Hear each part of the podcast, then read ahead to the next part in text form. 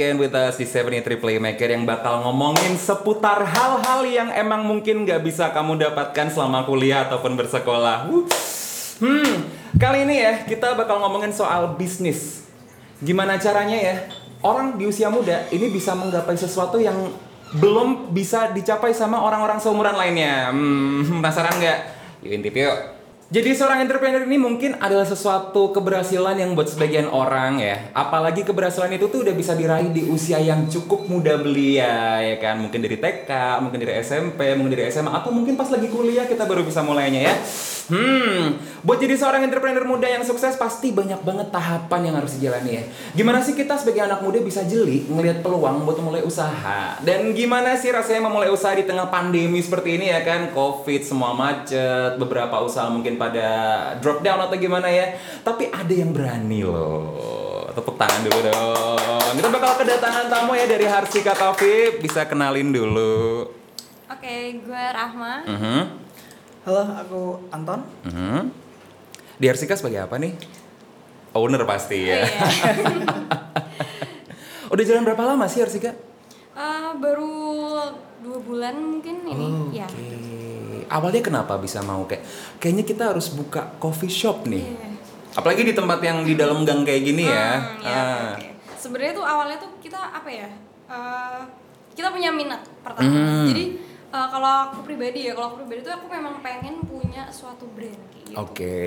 Aku emang dari dulu udah uh, berkecimpung di bidang bisnis ya, macam-macam tuh. Mhm. Uh, mulai dari misalnya bisnis yang uh, reseller, Mhm. terus abis itu aku pernah ikut MLM, Mhm. terus aku juga pernah bikin hijab brand sendiri Mhm. gitu. Terus pada akhirnya aku dikasih kesempatan buat bikin coffee shop ini. gitu. Ah. Kalau dari Anton gimana? Waduh. Eh, eh, tadi Harsika. Harsika. Ah. ya Iya anjir. Gimana nih? Gimana nih? Mas Anton nge-freeze.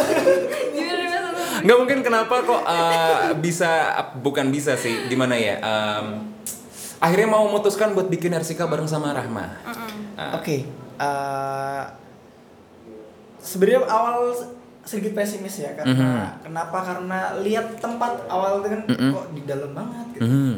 siap nggak nih kira-kira gitu Mhm. dalam uh, apa yang ngadepi ke depan kita bakal lihat pasar atau enggak Mhm. gitu. dapat customer seperti apa Mhm. gitu kan cuma karena dari teman-teman sudah apa ya sudah matang lah perhitungan Mhm. semuanya resikonya gimana gimana sudah siap yaudah gitu aku siap untuk aku bisa apa ya membantu untuk eksekusinya Oke. Berarti dari yang awalnya pesimis ya jadi kayak Iya. ya udahlah ya lanjut gitu. betul Awalnya nih kenapa banget namanya Harsika? Harsika. Ah. Hmm, dari brandnya sendiri ya. Ah, ah. Kenapa Harsika? Sebenarnya tuh eh, kemarin tuh kan eh, di sini ada kita bertiga ya Mhm. untuk owner ya. Jadi Mas Antoni as a consultant. Jadi kita Mhm. eh, memang kita bertiga tuh nggak ada basic tentang kopi gitu kan. Oke. Nah, otomatis kita butuh yang ahlinya gitu kan. Kita Hmm. nggak pengen sembarangan gitu. Ada sih Mas Hadi itu memang eh, ada ngerti sedikit tentang kopi, tapi kan kayak ya jauh Kayak lah masih sama, kurang lah ya. sama Ah. yang profesionalnya gitu. Hmm. Makanya kita eh, ajak Mas Anton di sini. Nah, kalau Harsika sendiri itu kemarin tuh kita kepikirannya simple sih. Jadi Mhm. ada dari bahasa Sanskerta, Mhm. jadi artinya tuh kebahagiaan. Kayak gitu. Oh, dalam ya. Dalam. Terus ya, kenapa milih tempat ini sih? Tempat ini sebenarnya tuh karena apa ya potensial sih kita ngelihatnya. Eh, dari segi apanya mungkin dari bisa dikasih segi tahu? eh, jadi kan tempat ini kan sebenarnya udah ada kantor nih Mhm. kantor eh, digital marketing branding seperti itu Ah, kan jadi Cata ya? Cata ya Ah. Cata Lab dan di sini juga ada studio rumah Eyang Mhm. nah jadi kan eh, istilahnya mereka itu punya klien gitu Oke. nah dan klien ini tuh kayak eh, kadang-kadang Mhm. butuh dijamu ya nggak Ih, oh bener sih. betul ya. Nah jadi kan kayak eh, istilahnya kalau nggak ada apa ya pelengkapnya itu Mhm. eh, akan kurang gitu kan ya. Hmm, Jadi oh, kan, oke. mm, jadi kalau misalnya meeting pun ketemu ke klien gitu kan, pasti kan kayak Gampang tinggal ke sini aja "Ah, gitu ya. Kalau misalnya ada minum kan bisa tinggal Hmm. dipesenin kayak gitu sih. Oh. Itu sih. Peluangnya Memanfaatkan peluang banget ya Betul. sepertinya ya. Kalau misalnya nih, eh, Mas Anton sendiri, awal tertarik buat jadi barista itu gimana? Terus kapan mulai kepikiran buat membangun usaha sendiri di bidang yang udah ditekuni? F&B. oke kalau Iya. cukup panjang nih ceritanya mas Hmm. Eh, jadi eh, pertama tertarik jadi barista itu dari 2013-14 sih. Oh, Mulai. udah lumayan lama ya. Lama Iya. banget itu. Ah. Senior ampun. itu sebenarnya pertama itu dulu aku per- pernah coba buat kedai coklat coklatan gitu Mhm. cuma itu kayak gantiin punya orang gitu Oke. Ah, terus tak ganti tapi karena ya aku pikir dulu bisnis tuh simpel gitu kita Mhm. cuma jual produk selesai gitu. Oke. ternyata nggak sesimpel itu bro orang bisnis gitu. Oh iya. Oke. nggak cuma kita udah punya produk terus kita jualan ternyata ada hal lain lagi gitu. Mhm. terus ternyata ah, dulu awalnya babi coklat karena masih hype banget kan kopi di Iya. 2000 di 2013 14 Belum mungkin ya? belum masuk lah belum masuk Belum ini ya, belum belum ketemu pasar gedenya kayak gimana? Iya, Oke. benar, benar. Belum jadi Hmm. tren juga gitu. Jadi mungkin dulu masih sekedar tempat nongkrong aja, Hmm. kan gitu. Went Lalu, there.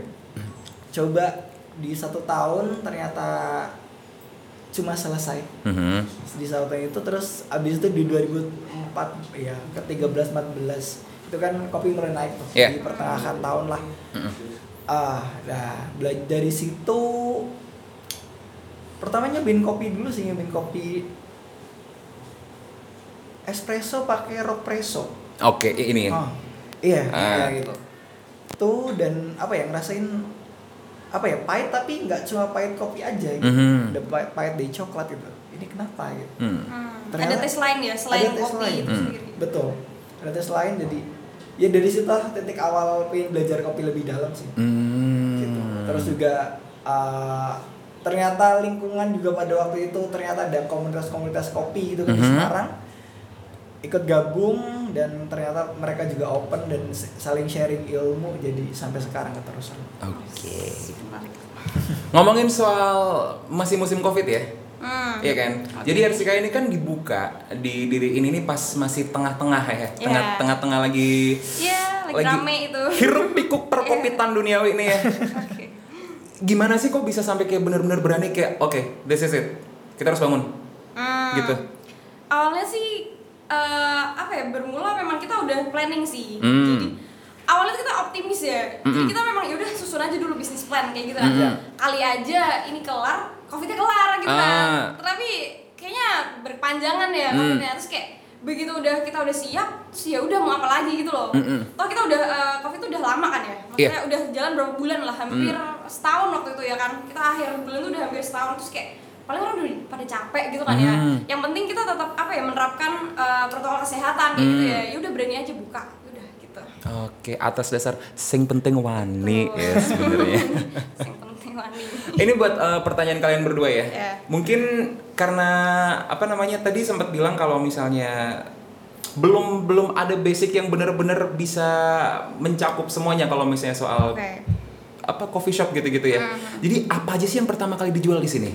Maksudnya kan karena apa namanya belum istilahnya belum belum fasih gitu Hmm, kan. Oke. Gimana? Mungkin Mas Anton mau jawab? Eh, untuk produk awal ya, Mm-mm. yang dijual ya kita di sini emang ya karena tren juga di Semarang lagi booming kopi susu Mhm. jadi emang kita untuk awal yang kita jual produk kopi susu dulu Mhm. tapi eh, di sini apa ya eh, gimana caranya kita bikin beda dari yang lain Hmm, gimana tuh? ya Eh, ya salah satu eh, dua, dua produk kita di sini kan ada satu ada kopi pilu Mhm. itu mungkin pada umumnya ya kita Hmm. pakai brown sugar pemanisnya cuma yang satu lagi ada membiru Mhm. membiru itu kita tak ada tambahan ekstrak bunga telang di situ Oh, butterfly pea. Iya. Ya.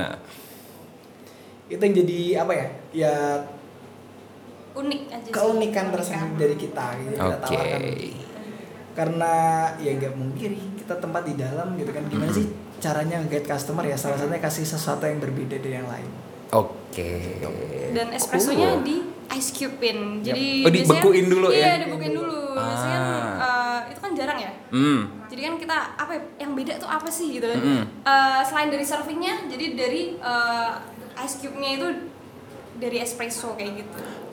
Jadi kan intinya kan kopinya itu kan, Mm. Nah, tapi kopinya kita kasih yang beda. Gitu. Hmm, cool. Applause Ya. him. Applause for Mas Anton ya. saya emang di sini juga kita pengen ya ketika serve ke customer juga pengen ada keunikan tersendiri lah. Hmm. Gitu. Jadi ketika Ada experience-nya gitu yang ditawarin ya? Iya, betul. Oke. Betul. Gak cuma nyajin satu cup kopi aja, tapi Mhm. di situ juga ada apa ya experience untuk customer lah. Gitu. Mhm. Ketika orang ngebayar di sini untuk beli satu produk, ya harapannya mereka bisa apa ya? "Loh, Kok serve-nya kayak gini? Ah. Kayak ada sesuatu yang baru kayak gitu Ah, ah. sih. Gitu. Biar nggak ini ya, biar nggak kayak terhanyut arus coffee shop pada umumnya. Iya. Iya nggak sih? Karena mereka biasanya jual cuman kayak ya basic stuff and like Mhm. ya gitu-gitu Ya, aja lah ya. aja. ya. Apalagi tempatnya tuh. Eh, ada tamu. Oke. Back again di 73 Playmaker Kali ini kita kedatangan salah satu founder ya dari Harsika Cafe Hadi, halo Halo. Halo. Bisa perkenalkan diri dulu ya Alright. Gua eh, Hadi, salah satu co-founder di sini. Pegang operasional manager tapi lebih sering disuruh-suruh ke mana, ke sana, ke sini, beli ini, beli itu. Ah nggak apa-apa ya, namanya jarang operational manager lah ya manager tapi yang pergi-pergi. Nggak apa-apa, hidup itu penuh, penuh struggle ya Nggak Iya. apa-apa Ini pertanyaan buat eh, khusus buat si siapa Eh, Rahma sama Hadi ya. Eh, kalian ini kan termasuk founder dari Harsika. Ah, ah. Awalnya gimana sih kalian bisa ketemu dan memu- memutuskan buat ayo bikin coffee shop gitu? Dari saya dulu. Mhm. Awalnya coffee shop ya. Coffee shop itu eh, mimpi saya. Oke. Saya sama Andrew. Saya eh, Mhm. pertama sebelum pacaran sama Rahma, saya pacaran sama Andrew. Enggak, maksudnya bukan itu. saya Drew. udah saya udah rundingan sama Andrew. Ah. Andrew saya ada tanah. Mm-mm. Enaknya bikin apa gitu. kan. Oke. Terus Andrew dengan kemampuan marketing dan arsitekturnya saat itu masih kuliah. Katanya coffee shop oke gitu kan Mhm. karena dia butuh platform buat teman-temannya juga. Ah, ah. Eh, tapi waktu itu nggak dijalankan karena eh, apa ya istilahnya investornya sendiri tidak tertarik Oke. kedua Oh. juga kita udah pakai apa ya kakak sepupu saya yang udah lebih berpengalaman di F&B dia Mhm. bilang nggak menarik Mm-mm. pokoknya selain konsep bangunan dan lain sebagainya sisanya tidak menarik Kok gitu? Karena Kenapa sih bisa nggak menarik gitu buat mereka? eh, posisi sebagai investor ya Ah. misalkan saya memposisikan diri sebagai investor yang dilihat adalah uang masuknya Hmm. nah itu Eh, kelemahan yang sebelumnya cuma di situ Oke. Jadi nggak memikirkan uang masuk, uang keluar, keuntungan buat investor berapa. Jadi ya, ya memang akhirnya terpospon untuk kuliah, fokus kuliah sama saya pribadi fokus atlet, Oh, atlet apa ya? Atlet nembak. Makanya dapat saya. Ternyata. Nggak gitu. Wow. Bisa ya dapat Rahma ya. sudah profesional. BTW tadi udah sempet apa namanya nyentil dikit soal investor ya. Kan kalau misalnya bikin coffee shop nggak mungkin kalau misalnya let's say karena kalian masih kuliah juga kan, masih Iya. masih nyelesain studi dan lain sebagainya kan uang itu kan belum bisa yang bener-bener kayak boom dapat gitu. Hmm, betul. Investor nih, gimana sih kalian cara dapetin investornya biar bisa bikin segini bagus ya? Iya. Oke. Nah, Ini Aku jawab ya. Boleh. Oke. Jadi eh, kalau untuk investor sendiri nih ya, Mhm. eh, kita tuh sebenarnya waktu bikin Harsika ini tuh kayak nekat sih sebenarnya. hmm, kelihatan sih. Hmm, nekat banget kita mah. Kayak yang penting eh, kalau aku dari, dari aku sendiri ya, kalau Hmm. memang keinginan udah kuat nih, yaudah digas aja. Hmm. Eh, jalan tuh pasti nanti ada gitu kan. Mm-mm. Jadi kalau aku prinsipnya, ya udah bikin dulu bisnis plannya gitu kan. Mhm. Gimana caranya investor tertarik kalau baca ini gitu kan? Hmm, oke. Iya kan? Hmm. Kalau misalnya tadi Mas Jadi bilang eh, investor tuh nggak tertarik, ya kita cari apa yang nggak bikin tertarik gitu Hmm. kan. Nah, jadi kan kayak Langsung masuk ke troubleshooting gitu ya. Nah, kayak gitu. Oke. Jadi langsung eh, apa sih yang eh, kira-kira bisa di-upin nih? Hmm. Yang bisa menjadi nilai jual kita kayak gitu. Mm-mm. Jadi sebenarnya kita tuh eh, investor tuh banyak listnya Mhm. kayak gitu kan. Cuman kayak gitu masih eh, apa ya? eh, abstrak banget. Kita nggak tahu nih sebenarnya dapat apa enggak gitu. Hmm. Tapi kita ya udah pede aja, buat aja dulu. Kita sampai bikin bangunan pun udah nyewa arsitek kayak gitu. Hmm. Bahkan kita nggak tahu nanti kalau misalnya nggak dapet investor tuh mau bayar pakai apa gitu. Hmm. Jadi kayak yaudahlah bikin dulu. Yang penting bikin aku pede aku bilang gitu kan. Aku Mm-mm. pede. Yang penting kalau misalnya ini nggak dapet ya cari lagi gitu. Hmm. Yang penting cari sampai ketemu. Kalau aku sih prinsipnya kayak gitu ya. Yang penting modal nekat lah ya. Iya, betul. Nggak apa-apa kadang keberanian itu Betul. perlu. Iya, keberanian itu perlu. Karena biasanya itu yang mendorong gak sih? Hmm. Karena kan orang kadang takut ya buat terjun. Iya. gimana caranya biar dia didorong dulu lah biar akhirnya dia kan ngerasain jatuh gitu kan Hmm. tapi gimana caranya biar bisa bangkit kayak gitu kan Oh, Ya. oke. kalau aku sih gitu nekat Ah, nekat ya, kayak semuanya dibabat habis ya. Apalagi Betul. kalian lagi kuliah kan ya. betul aku aku masih semester akhir sih kalau Ah. juga juga Kalian Kita- seangkatan gak sih? Enggak. Oh, enggak. beda. Cuman Lebih dia tua siapa kalau boleh tahu? Dia nungguin aku sih. Dia pengennya solid-solidan. Iya, kan sesolid itu kita. Ash. Bukan nungguin anjir. Kenapa tuh? Kenapa? Enggak apa-apa, enggak apa-apa. Sensitif ya. Emang ya pacaran sama yang lebih tua tuh lebih enak? Enggak. Oh, Salah. Enggak. Kan tadi sempat eh, ngomong apa namanya eh, karena modal nekat ya. It- Iya, itu itulah betul. ya. Em, kalian sendiri kuliah, kalian ngurusin bisnis kayak gini gini gini. Betul. Mungkin eh, agak keranah personal dikit ya. Iya. Basi sih sebenarnya bahasannya. Bagi waktunya gimana gitu. Hmm. Dari Coba Hadi dulu mungkin. Dari Hadi dulu deh. Dari saya. Mm-mm. Bagi waktunya ya kacau. Lihat saya nggak lulus-lulus. Ya, Sama- saya memang kacau gitu kan. Tapi kan apa istilahnya eh dari banyak kegiatan begini sedikit banyak berkaca sama Rahma sih. Rahma Hmm. manage waktunya bagus menurut saya gitu kan. Mm. Jadi ya saya nyontek Nyontek nyontek nyontek manajemen waktunya gitu kan. Kalau misal misal di sini ya udah dia nyelesain semuanya yang sini selesain kuliahnya juga diselesain ntar begitu sampai rumah biasanya sa apa tutup ini kita pulang gitu kan Mhm. sampai rumah udah malam udah nggak boleh pegang apa apa lagi udah istirahat di rumah gitu. Hmm. ntar pagi berangkat sini lagi urus lagi semuanya sampai kelar sampai selesai sampai kelar sampai rumah udah istirahat lagi aja Pokoknya selagi di tempat apa yang jadi tanggung jawab di tempat itu ya langsung selesai saat itu juga ya. Betul. Hmm, mungkin pelajaran juga buat semuanya ya. Gimana Han? Kalau Rama sendiri gimana? Kalau aku sendiri ya, karena aku masih aku pejuang skripsi nih, jadi aku tinggal nyelesain skripsi aja kuliahku udah kelar ya. Jadi eh, kalau aku di sini eh, sebenarnya aku udah bisa lulus eh, Januari katakanlah kayak gitu. Ini? hmm, Januari Januari, kemarin? kemarin. Ah. Hmm, Jadi kayak kayak kalau misalnya aku harus postpone dikit nih, Mhm. kan at least aku tuh punya coffee shop gitu loh. Mhm. Aku emang harus eh, mengorbankan sedikit waktuku buat coffee shop ini. Mhm. Kan jadi beda ya kalau orang yang udah lulus eh, kemarin gitu kan, kan mereka nggak punya coffee shop gitu loh. Ya Mhm. apa deh aku lulusnya Maret katakanlah kayak Mhm. gitu. Jadi kayak aku memang eh, ikut yang batch 2 untuk eh, apa skripsiku ini buat sidangnya kayak gitu. Karena memang aku belum siap kan. Mhm. Ah. Kemarin aku di sini akhir bulan tuh aku bener-bener opening kan ini. Mhm. Itu sih aku eh, di sini lebih mengorbankan waktu gitu sih. Mhm. Jadi misalnya akademik aku tinggal dikit lah, aku tinggal sebentar lah. Hmm. At least uh, begitu udah kelar aku ngejar lagi gitu. Oke, yang penting di sini stabil dulu ya. Betul. uh, Harus ada prioritas sih, pengorbanan. lebih ke, uh, lebih ke prioritas sih. Ah, Gitu. apalagi eh, sekarang kondisinya lagi covid lagi. Nah. Basi sih sebenarnya bahas covid cuman ya yang yang aneh tuh karena kalian ya terlalu nekat ya. Bikin dia, sebenarnya aku gabut tau. Gara-gara gabut bikin coffee shop. Nampak. Gabut bikin Ya, coffee shop. bener. Gabut bikin coffee shop bukannya ngelarin skripsi. Iya, Enggak apa-apa. jenuh. jenuh. Pelampiasan ya bisa. Iya, pelampiasan. Karena kuliah nggak ada hubungannya sama ini. Kayak aku pengen Sama. aku pengen refreshing gitu loh di sini. Ah. Harapannya kayak gitu kan. Ah. Tapi ternyata stres juga di sini. Tapi ternyata walau bilangnya sih awalnya refreshing ya, bilangnya Eh. pelarian ya, ujung-ujungnya juga mikir Iya, lah gitu kayak.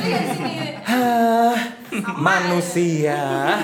Nih, tadi kan sempat bahas soal investor ya. Mungkin dikaitin lagi nggak apa-apa kali ya. Hmm. Balik lagi ya soal investor. Ini kan lagi covid kayak gini ya. Semua usaha ya nggak nggak nggak cuman F&B ya Betul. jasa pun juga kena, kantorku pun juga kena gitu loh. Kalian udah nekat bikin coffee shop kayak gini tuh ya. Di tengah-tengah covid kayak gini, Hmm. kalian ya kok bisa dapet investor? Gitu. Jadi ceritanya panjang ya. Gimana tuh? Ceritanya panjang setelah kita siap semua udah clear. Hmm? eh, kita tuh nggak akan maju ke- ketika belum siap gitu kan. Aku nggak mau, aku nggak mau. Kalau Oke. kalau materi ini belum kelar, aku nggak Mhm. mau maju dulu ke Hmm. investor. Bener-bener sampai clear, kita mundur sih sebenarnya dari Hmm. deadline. Kita kan udah nyicil tuh. Mhm. sampai pada deadline kok kayaknya belum siap ya Mhm. belum siap nah terus abis itu begitu udah clear kelar semua ya udah yang yang penting visi kita tuh jelas gitu. Jadi mau terdampak atau tidak terdampak kita punya plan yang realistis. Oke. jadi kita eh, istilahnya kalaupun pandemi nih kita udah siapin backup plan-nya nih Hmm. bakal gimana gimana jadi kayak ada eh, plan A sampai Z intinya kayak gitu Paling nggak isinya isi kertas udah Iya, penuh semua ya. itu ya Isi kan? kertas udah penuh semua nanti kalau misalnya emang ada yang nggak cocok tinggal Iya, coret kelar coret, gitu kan. iya, betul. Ih nggak apa-apa tuh efektif Gitu. kalau kata orang mah ya. betul Perlu Perlu seperti itu buat semua orang. Ini yang agak something ya. Kan uh, di Semarang ini kan kayaknya uh, let's say ya tiap bulan, tiap minggu bahkan itu ada aja kafe-kafe yang buka tuh. Baru, Ada ada tempat makan yang buka. Pokoknya semua warung lah ya. Warung depan juga kayaknya baru buka. Kok kalian berani sih bikin coffee shop? Kan banyak saingan tuh. Kalau dari Mas Edi mungkin mau jawab? Boleh. Saya nggak Sedih sama berani. Mas Anton. Saya nggak Mungkin. berani. Saya nggak berani. Mas Anton Ah. juga boleh jawab loh kalau misalnya gitu. Tuh, dia mulu bang. ya apa ya kenapa berani Mhm. Eh, tentunya kita di sini punya apa ya punya ciri khas lah Hmm, ada oke. sesuatu yang baru kita tawarkan Hmm.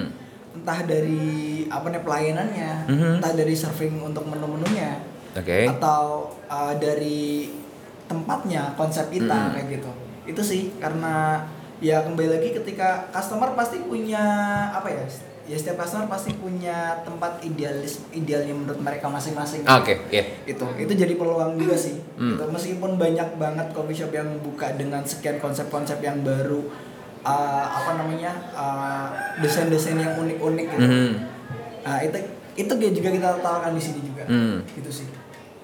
Jadi tinggal apa ya? bagaimana gimana kita mengemas tempat kita, terus uh, sosial media kita, pemasaran kita sebaik mungkin sih. Oke. Kalau dari Abang Hadi nih, Ya, saya nggak berani. tapi dia berani loh. Nggak, saya, Kayaknya tak dorong sini. saya nggak berani. Mereka berdua berani loh. Waktu eh, rundingan ya, apa Ah. namanya, musyawarah apa? Kita rapat lah. Hmm. dalam Ini. sebuah rapat, saya terus yang pesimis. Hmm. Ntar kalau pandemi lagi gimana? Ntar kalau sama warga ditolak gimana? Hmm. Ntar kalau ada pemadaman bergilir gimana? Ntar kalau banjir gimana? Genset, power bank. Iya. Pokoknya serba, serba itu istilahnya. Hmm. Kalau misalkan tanya ke saya kenapa berani, saya nggak berani. Oke. Tapi apa ya gimana ya empat lawan satu ya saya ya udahlah ayo gitu kan. Kayak ngalah ya. Biar nggak ribut ya, menghindari konflik nggak apa-apa. Menghindari Ya, sebenarnya konflik. Bagus kok. Sebenarnya bagus kok. Jadi kan dia eh, apa ya istilahnya membukakan insight-insight yang sebenarnya kita nggak kepikiran gitu. Hmm. Jadi eh, kita lagi lebih apa ya preventif gitu dengan Hmm. pesimis pesimisnya dia kita jadi oh iya berarti ini harus diginiin Jadi kayak ketemu boundaries gitu gak sih? Ah. Gue tuh nggak pernah bikin usaha, tapi gini tahu ya. Tiap ditanyain kayak harus gini-gini, tapi ngelakuin sendiri kayak no. main aman ya Bukan main aman, takut. Takut. Eh, Hadi ngomong takut kayak oh, ya, I Relate, can relate. I can relate, you know.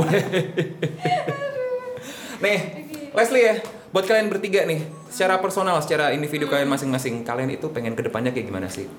Personal ya. personal ya Hmm. oke Karena kan kalian berdua ini kan udah punya background uh, as a businessman ya, businessman, businesswoman ya. Oke. Anton juga ya kan. Kalian pengen ke depannya kayak gimana sih? Kalian pengen mungkin apa namanya bikin um, apa sih itu namanya? Apa sih namanya? Um, um, jadi bakoliwa mungkin ya atau gimana? apa itu gimana tuh maksudnya? Gimana proyeksi ke depannya buat kalian bertiga masing-masing nih? personal ya Mhm. mas Anton dulu Ai. Ya kalau aku ya pingin ke depan mungkin lebih ke Bang bang, pingin tim. kencang dikit bang. Oh iya, sorry.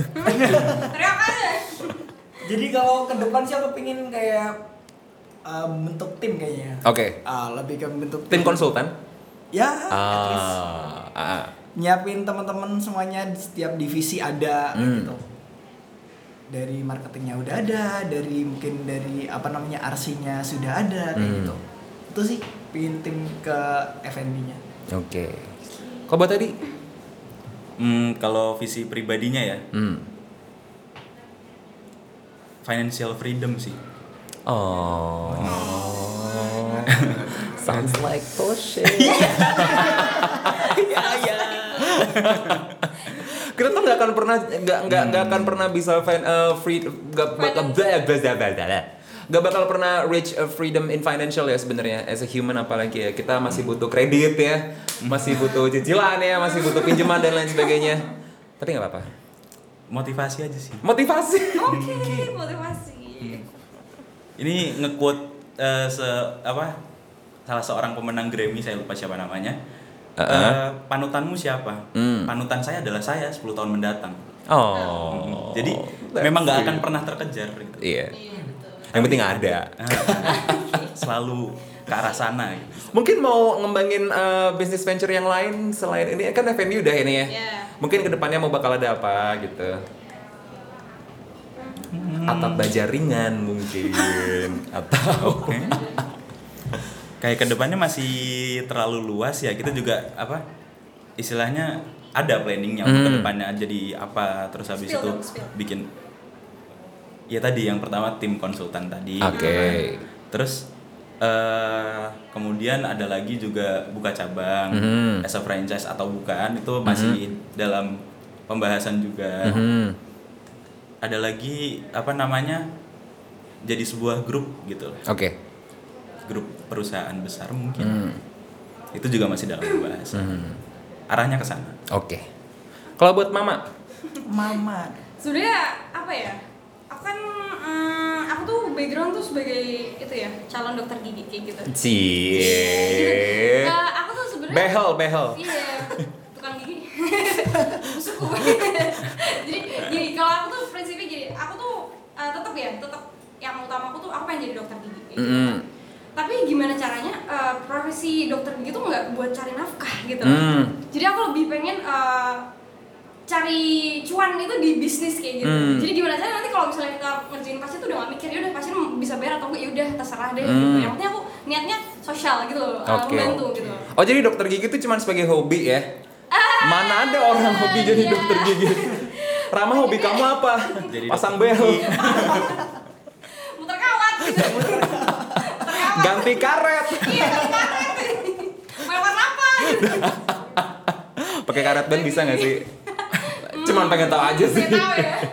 Nah, Ya gitu sih. ah, Terus eh, kalau misalnya untuk Harsika ini ya, jadi Hmm. untuk Harsika itu eh, stepping stone buat aku. oke. Jadi ini bukan eh, perjalanan akhir gitu loh buat Hmm. aku, bukan pencapaian akhir gitu. Hmm. Jadi masih banyak goals-goals di depan yang pengen aku raih Hmm. lewat Harsika ini. Mhm. Jadi kan eh, aku tuh eh, anak rantau ya, jadi kan Hmm. aku kuliah di luar kota. Jadi kayak aku tuh rantau tuh kayak percuma gitu loh kalau pulang nggak nggak ada Nggak punya yang- something Hmm, gitu, oke. yang- Apa sih aku ngapain sih sebenarnya Hmm. di luar kota tuh ngapain? Ketika pulang aku diem aja gitu. loh. Hmm. Nah makanya begitu aku buat ini tuh kayak wah anjir ini berarti apa ya hasilku selama melalang buana di Hmm. apa di luar kota tuh ini loh hasilnya. Jadi kan aku memang aku tuh ngulik gitu. Jadi Hmm. memang aku tertarik dengan uh, kayak kafe, bukan Hmm. bukan spesifik coffee shop ya, Hmm. kafe kayak gitu. Hmm. Jadi aku tuh orangnya kalau di sana tuh uh, memang membudgetkan kan anak kos tau lah ya dompetnya kan Hmm. pas-pasan kan ya. Nah gimana caranya aku tuh tetap pengen produktif tapi di luar gitu loh, nggak di kosan. Oke. Jadi aku banyak research sih di situ. Hmm. Kenapa coffee shop ini rame? Kenapa aku milih sini sih gitu? Jadi Hmm. aku uh, lebih ke apa ya analisis gitu loh. Hmm. Nah kalau untuk Hersika sendiri kan uh, konsepnya kan tiap coffee shop tuh punya satu uh, konsep tempat gitu kan. Iya. Kalau uh, bayanganku, jadi aku pengen ada Harsika 2.0, Hmm. 3.0. Jadi banyak Harsika dengan konsep tempat yang berbeda. Oke. Kayak gitu. Harsika akan dibawanya ke situ. Hmm. Jadi kan tiap uh, tempat tuh punya pasarnya masing-masing, Mm. nggak cuma satu gitu loh, nggak ter apa ya tertutup di satu circle atau satu pasar doang Mm. gitu, satu segmen pasar. Jadi luas. Men- aduh. Intinya kayak gitu. Intinya kayak menjangkau orang-orang yang mungkin Betul. belum bisa ke sini kali ya, yang nggak yang nggak menjangkau sini ya. Harapannya ya mungkin tadi relate sama yang buka cabang kayak gitu lah Hmm. ya. Tapi ya buka cabang nggak cuma sekedar harus kayak yang sama gitu. Aku Hmm. pengennya yang vibes-nya berbeda lah. Oke. Dengan cakupan pasar yang berbeda. Expand pasti ya. Betul. Ah. Terakhir nih ya, Oke. kalian sebagai pelaku bisnis punya tips nggak buat orang-orang yang mau mulai gitu? Tips, tips ya. Jadi Bang Hadi dulu mungkin. buat orang-orang yang mau mulai bisnis ya Hmm. jangan susah Ketebak sih. Susah. Ketebak sih. Pesimisnya Bapak Taurus ya? Bukan. Kenapa ada esensi di situ? Bawa zodiak ya. Zodiak ya. kesannya yang Nggak Taurus apa-apa. yang boleh pesimis gitu ya Enggak, semuanya sih sebenarnya. Gimana? Kok bilang jangan sih? Kan mereka mau cari uang. Iya. cari uang yang lain lah jangan lewat bisnis capek Oke. Kayak apa? Hmm kerja jadi pegawai mungkin Maksudnya kan kenapa mereka mulai bisnis tuh karena mereka nggak mau jadi pegawai. Itu bang. hmm Emang kamu mau jadi pegawai? tidak mau Lah Tuh iya. kan. Ya Allah. Emang ya manusia Iya. namanya kontradiktif terus kayak.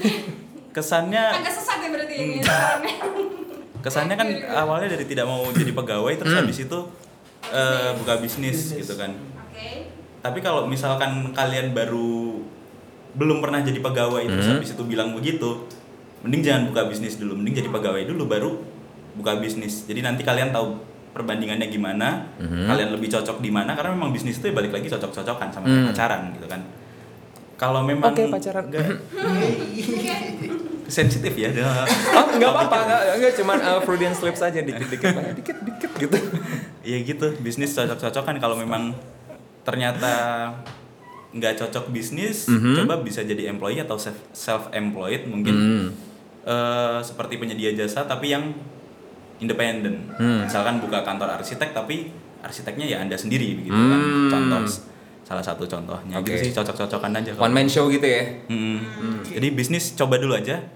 Kalau nggak cocok, tinggal nggak boleh apa namanya Maksain. maksain. Hmm. Tapi kalian buka arsika aja juga maksa gitu awalnya kayak kontradiksi lagi gitu loh. Ya, ya kan coba dulu. coba Iya. dulu. Ternyata, kalau ternyata Nggak ada yang salah kok. Kalau ternyata cocok ya lanjutin. Hmm. Kalau enggak ya lanjutin aja nggak apa-apa. Sampai cocok ya. iya, pokoknya cari kecocokannya sampai kalau misalnya udah nggak ketemu lagi baru bubar deh. Iya. Iya. Kalau Bang Anton gimana? Ah, kalau aku ting ini ya, ya semua bisa dibisnisin. ya. Hmm. Jadi tinggal apa yang kamu sukai sih kalau aku. Lebih ke itu. Coba dulu yang kamu sukai apa, tekuni itu, Mm-mm. terus eh mau dianalisis dulu kan, Mm-mm. kira-kira sesuai nggak, bisa dapat pasar atau enggak, abis itu eksekusi. Oke. Ini buat si mak-mak satu ini. Mau Mau. bilang apa nih? Mau bilang apa? Kalau ada peluang ya udah digas, kenapa enggak gitu loh. Oh, bawa legacy maksudnya. Ah, gimana? Ya kan bawa legacy kan Iya, berarti. Nah. Kalau misal apa namanya eh, masih bingung mungkin cara gimana ya tinggal diskusi aja sama kita. Ah, Diskusi iya sama nih, kita gitu ya, kan? promosinya itu. Kita bisa kok, kita open for discussion. Aish. Jual, jual nih. jasa, Ayo, jual sini, jasa iya, dibikin jual jasa iya dibikinin podcast isinya promo gitu nggak apa-apa. Ya daripada kan daripada cuma dipikir-pikir-pikir dianalisis Iya, tapi nggak ketemu kan. Iya, Gimana kan Ya, kasihan. Mending ngobrol sama kita ya. Bleduk dase. Iya. Um, udah selesai nih ya. Oke. Udah selesai ya. Udah nggak ada omong-omongan lagi. Banyak soalnya tadi udah dibahas. That's it Oke. buat semua para listener. Uh, I'm your host Pitra Prabowo. Lama. Jadi Apa? Pamit undur diri. Thanks for listening. See you next episode.